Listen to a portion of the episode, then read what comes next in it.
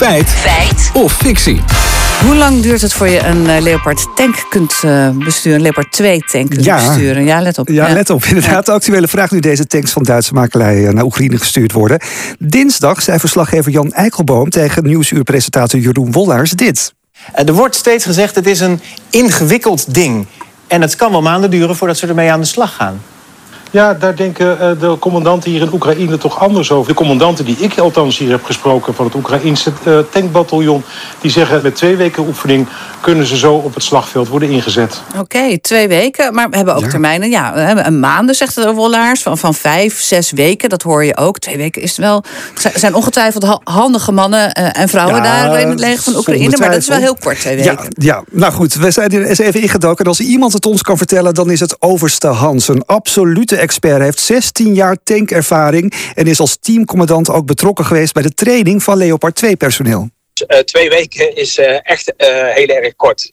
Wat we wel zien is dat de Oekraïense eh, militairen goed nadenken over wie ze sturen. En als mensen al affiniteit hebben met andere type tanks, dan kan het natuurlijk wel eh, korter dan dat je vanaf blank begint. Maar het hangt er ook vanaf, wat wil je? Wil je alleen raak kunnen schieten op 1000 meter op een stilstaand doel?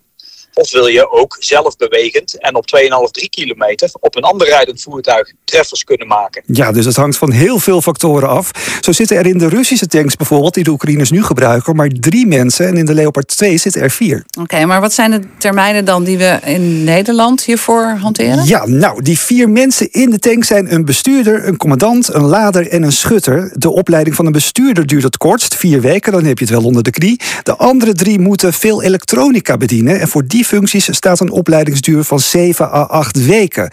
Want je kunt wel denken, ja, die Oekraïners die willen zo, gewoon zo snel mogelijk op een knop drukken om te kunnen schieten. Maar zo simpel is het echt niet, zegt Overste Hans. Kijk, je kan altijd op een knop duwen en een granaat aan de voorkant uit de schietbuis laten komen.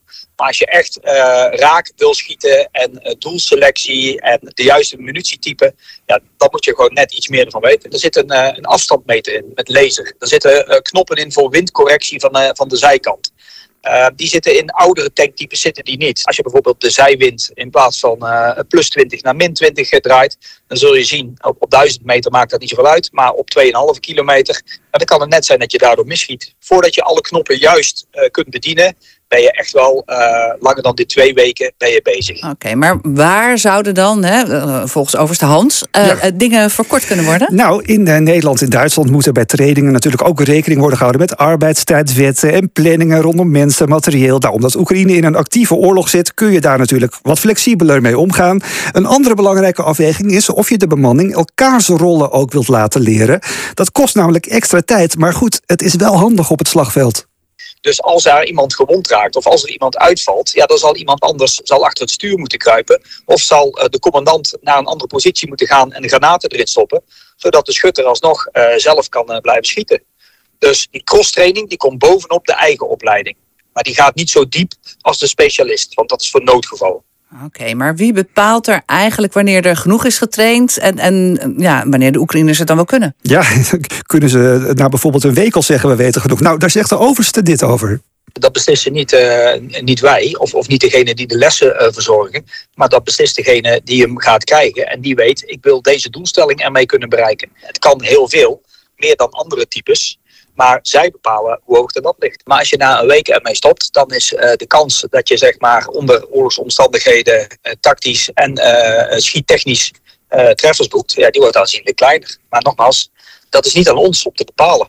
Oké, ja, ik, ik vind het een fascinerend eh, Ja. verhaal. Maar goed, die twee weken, dat is dus eh, fictie. Eh, laten we daarvan uitgaan. Maar wat is het dan wel? Hoe lang duurt een minimale opleiding voor een Oekraïner?